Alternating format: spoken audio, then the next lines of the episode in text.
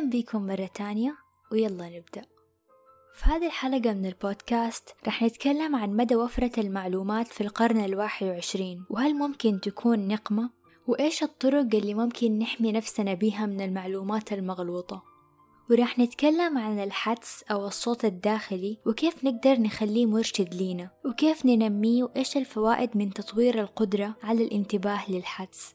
هل ممكن تكون وفرة المعلومات نقمة؟ إحنا عايشين حاليا بعالم نقدر نعتبره بحر معلومات معلومات أكثر من اللي ممكن كان يتوقع وجودها أو سهولة الوصول ليها أي شخص من الماضي البعيد أو حتى قبل خمسين سنة بس لكن كيف ممكن يكون أثر ده الشي علينا؟ من الواضح جدا إنه حياتنا بعد الإنترنت صارت أسهل بكثير من ناحية سرعة أو وفرة المعلومات. صارت حياتنا سهلة لدرجة إذا سمعنا شخص في اجتماع ما قاعد يتكلم بموضوع وما كنا مقتنعين فيه نقدر نرفع جوالنا بثواني ونبحث عن صحة المعلومة ونشارك النتائج حتى قبل ما ينتهي الحوار. ودي رفاهية ما نقدر ننكرها. لكن قد لاحظنا مدى زخم المعلومات حولنا. قد فكرنا كم معلومة بنشوف يوميا من أول ما نصحى ونفتح رسائل كل وسائل التواصل الاجتماعي اللي بنتابعها. خلال ربع ساعة في الصباح وحتى قبل ما يبدأ يومنا فعليا ممكن نكون شفنا على تويتر كم مقال عن أمور تقنية ومجموعة آراء سياسية وعدد لا نهائي من الأخبار وخلطات طب بديل على الواتساب بالإضافة لفتاوى وكلام مستند على أحاديث ضعيفة. وخمسة دقايق كل صباح على سناب شات أو إنستغرام. خلال سنة واحدة تكون قاعدة معرفية كبيرة في علوم طبية ونفسية واجتماعية وجمالية مصدرها خليط من دكاترة وفاشينيستات وناس ممكن ما نكون نعرف عن خلفيتهم العلمية والثقافية إلا اللي كاتبينه هم في البايو. خلال ستين ثانية بس في 2019 بيتم إرسال 87500 تويتة على تويتر وبينزل أكثر من 300 ألف بوست على الإنستغرام وأكثر من مليون سنابة وأربعة مليون ساعة من المحتوى على يوتيوب يوميا وبيتم نشر آلاف المقالات والأبحاث في كل المجالات. في ظل إن المحتوى الموثوق فيه إذا حبينا نسميه كده ما يتعدى نص بالمية على الإنترنت. خلال مدة ماضية ممكن ما تكون بعيدة جدا كنت أعتقد إنه بحث خلال ساعة أو اثنين في موضوع مهم. ممكن تكون كفاية عشان نوصل لمعلومة دقيقة نحتاجها ونتأكد من صحتها. لكن الآن ما أعتقد أن الموضوع صار بهذه البساطة. ما راح أقول أن وفرة المعلومات تشبه عدم وجودها لكن للأسف ممكن مع البعض يكون الموضوع أسوأ حتى. لأن وفرة المعلومات والمصادر المغلوطة ممكن تسبب للبعض ثقة وتعصب لمعلومات تبنوها وقفلوا عقولهم عن باقي المصادر التانية أو حتى التفكير والاستمرار في البحث للوصول لرأي وجواب شخصي. وفي الحالة دي يكون فقدان المعلومة أهون من تبني رأي خاطئ. وكمان في زحمة المعلومات دي رح نلقى بحوث من مصادر يسميها البعض موثوقة وتكون ضد بعض. أقرب مثال يخص التغذية وهو حاليا موضوع متداول بكثرة موضوع ال vegan وال keto.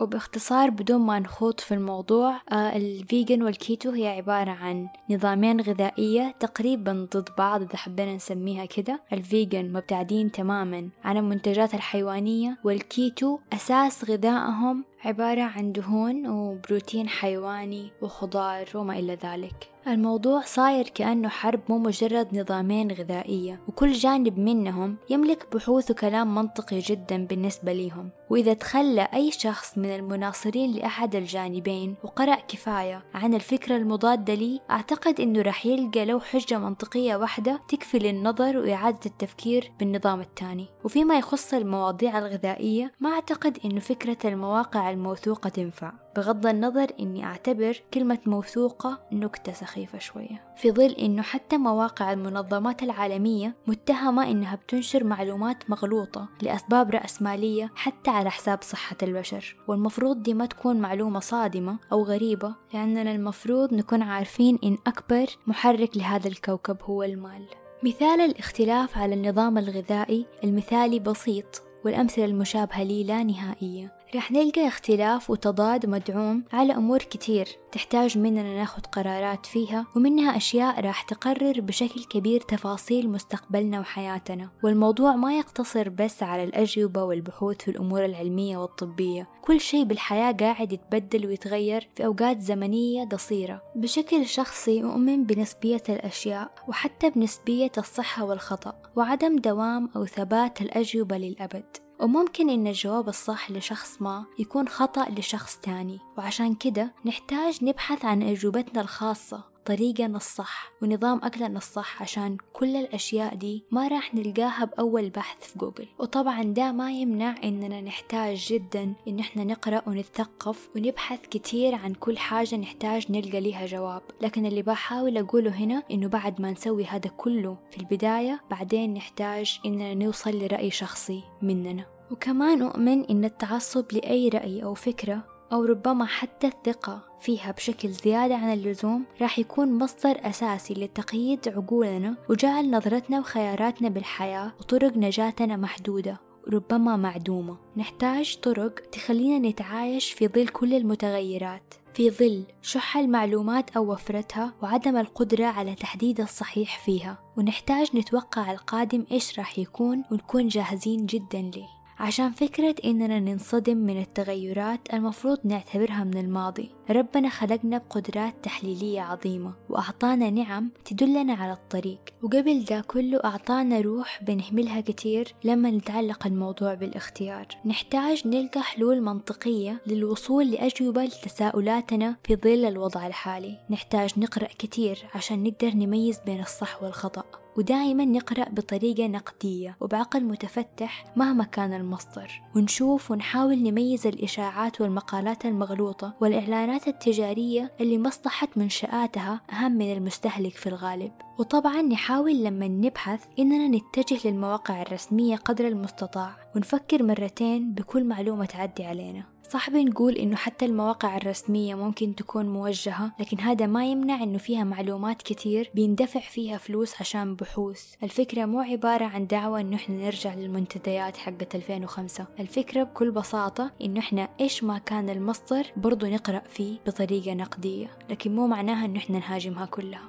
وبعد ما نوصل لهذه المرحلة لازم نكمل المرحلة اللي بعدها واللي أعتقد إنها الطريقة الأسهل اللي أحيانا ما نعطيه الثقة الكافية إنه يقود حياتنا. نحتاج إننا زي ما نفكر نحس. كم مرة في حياتنا صار لنا موقف ضيقة نروح لمكان معين ورحنا وبعد ما وصلنا صار حدث سيء وقتها وعينا صوتنا الداخلي يقولنا قلبي كان حاسس. نحتاج ننتبه أكثر للحدس. الكنز اللي نملكه أغلبنا ما بيستخدمه كفاية. وزي ما أحب أسميه أنا الصوت الداخلي لأنه بالمسمى ده رح يكون التفسير يشمل كل الاعتقادات العلمية والروحية تقريبا.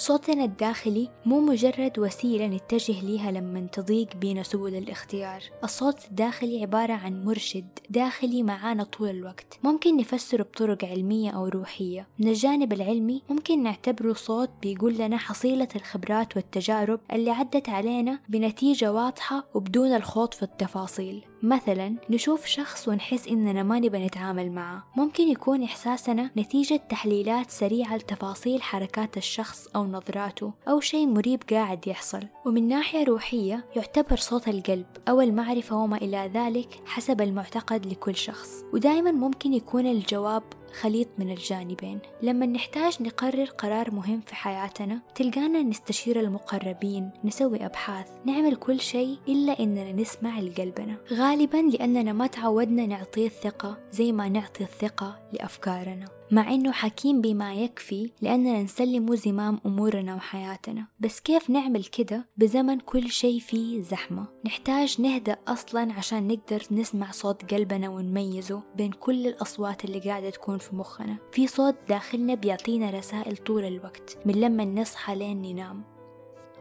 جسمنا ذكي وعشان نعرف نظامنا الغذائي المثالي نحتاج بس نلاحظ تفاعل جسمنا مع كل شيء بندخله فيه ونراقب نشاطنا وصحتنا ووقتها راح نعرف الجواب الخاص بينا واللي مو لازم يكون الجواب الصح لأي أحد تاني. وصوتنا الداخلي هو اللي بيقول لنا في كل جزء من حياتنا إيش الأفضل لينا. بيقول لنا فين نروح وكيف نكسب ومتى نحاول لأقصى درجة ومتى نهدأ وننتظر.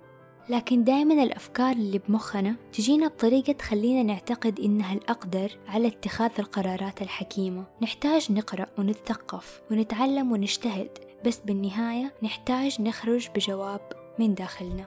طيب خلينا نشوف كيف نقدر نفرق بين الحدس أو الصوت الداخلي والأفكار اللي في مخنا. الحدس يجينا في البداية على شكل إحساس. بعدين يتحول لفكرة. مثلا نحس إننا ما نبى نروح مكان معين كشعور. بعدين مخنا ممكن يحاول يلقى تبريرات للشعور ده ويتوقع وجود أشخاص ما نرتاح لهم أو أسباب تخلي روحتنا للمكان مو حلوة. وكده أفكارنا توصلنا لنفس النتيجة عشان نوصل لتوازن بس مو دايما هو ده اللي بيحصل. في أوقات يغلبنا الحماس ونطنش الشعور وما نفتكره لين يحصل شيء ونقول كنا حاسين إننا ما نبي نجي من البداية. الحدس مربوط بدرجة الوعي عندنا جدا. في درجات الوعي العالية تكون الرسالة واضحة وتكون عندنا قوة كافية إننا نمشي وراها من البداية ونمشي ورا إحساسنا لأننا واثقين فيه. ومن الاختلافات بين الأفكار والحدس إن الأفكار لما تبى توصلنا لنتيجة ناخد على أساسها اختيار معين تجينا على هيئة أفكار مترابطة على شكل خط تفكير بطريقة تحليلية ويكون عندنا أفكار متشعبة منها افتراضات وبعدين مخنا يقيس احتمالية الخطر أو صحة كل اختيار وبعدها يعطينا النتيجة ونكون عارفين ليش نبى نختار الشيء ذا أما الحدس يجينا على شكل معرفة منفردة رسالة أيوة أو لا يمين أو شمال بدون ما نكون عارفين في لحظتها الأسباب. ومع الحدس يجينا نوع من الطمأنينة على عكس التفكير اللي أحيانا يجينا بخليط من الترقب والتوتر في انتظار النتيجة. طيب كيف ممكن ننمي الحدس عندنا؟ أو بشكل أوضح كيف ممكن ننمي قدرتنا على تمييز الحدس؟ وكيف نقدر نعتمد على حدسنا في الخيارات المهمة في حياتنا؟ أول شيء الكتابة. لأن الكتابة تعتبر طريقة فعالة جدا للتواصل مع مشاعرنا والأشياء اللي بتعدي على قلبنا. نكتب كل شيء نحسه أو يجي على بالنا. بدون ما نخلي صوت الجلاد اللي بمخنا يتدخل أو ينتقدنا ويوقفنا عن إننا نطلع مشاعرنا بحرية كافية. والمديتيشن يعتبر من الأمور الأساسية لرفع الوعي والتواصل مع روحنا بدون حواجز. وقتها راح نحس كأننا في غرفة واحدة مع مصدر الرسائل اللي بتجينا على شكل حدس. ونقدر نؤمن بيها أكتر وناخد ردات فعل على أساسها. نحتاج نتأمل كتير بهدف الحصول على الإجابات. نفضي مخنا من كل الشوائب لين نحس بالتوجيه للإجابة والحدس يختلف من شخص لآخر. كل ما راقبنا الحدس عندنا راح نقدر نميزه بشكل أوضح في المرات اللي بعدها. هل بيجينا على شكل صوت بمخنا ولا ممكن يجينا على شكل أحلام لما ننام أو مجرد ضيقة لما نكون بنتجه للخيار الخطأ؟ في البداية نحتاج نعترف لنفسنا أصلا بوجود هذا الحدس وما نتجاهله لأنه نعمة كبيرة من خالقنا باختلاف أشكاله. وممكن في البداية يكون صعب نمشي وراء إحساسنا في الأمور المصيرية لكن كبداية ممكن نعتبره تدريب ونجرب إحساسنا في الأمور البسيطة لين تزيد ثقتنا بنفسنا وحكمة أرواحنا. الماضي مفيد جدا للملاحظة عشان نؤمن بنفسنا أكتر. ممكن نقعد نفتكر كل المرات اللي كنا حاسين فيها بشي وتجاهلنا الصوت الداخلي وبالنهاية طلع كلامنا صح. وبدون ندم على الماضي نتخيل الثمرات اللي كنا راح نكسبها لو مشينا ورا قلبنا. وناخدها الآن عن طريق الثقة بصوتنا الداخلي. والموضوع مو دعوة لتعطيل التفكير أبدا بل لخلق اتحاد القلب والعقل للوصول لنتائج إحنا نستحقها. عشان نعيش حياة بدون تخبط ويكون عندنا طرق تخلينا نكون متوازنين دايما. طيب إيش فوائد تطوير الحدس؟ لما نتعلم نسمع صوت قلبنا راح يقل التوتر وراح نعرف نتعامل مع مشاكلنا وكل شيء يكون تحت سيطرتنا لأقصى حد ممكن. وزيادة الوعي بالحدس تحفز على الإبداع لأننا خرجنا من دائرة الأفكار والنتائج المحدودة. وصرنا في عالم وعي أكبر بكتير. وراح نعرف حقيقتنا أكتر لأننا مو مجرد كتلة عضلات وعظم. راح يكون عندنا صلة مباشرة مع أرواحنا وصوتنا الحقيقي. وراح تزيد ثقتنا بنفسنا من كل الجوانب ويزيد استقرارنا النفسي عشان شعورنا بالضياع راح يختفي تدريجيا وده راح يبان في تصرفاتنا وطرق اتخاذنا للقرارات. وفي الختام أحب أقول إن الموضوع مو مجرد طريقة عشان نلقى جواب علمي أو نعرف الطريقة الأفضل تجارة أو نجاة من بحر المعلومات المغلوطة على الإنترنت. الموضوع يساعدنا في اختيار مسار حياتنا اختيار الأشخاص اللي نبى نكمل معاهم سنوات عمرنا والأماكن اللي نبى نعيش فيها وحتى سلوكياتنا وممارساتنا الروحية وتواصلنا مع خالقنا. وفي النهاية أتمنى تكون الحلقة عجبتكم. شاركوها مع اللي تحسوا إنهم يحتاجوا يسمعوها أو حتكون مفيدة ليهم. وإلى لقاء قريب.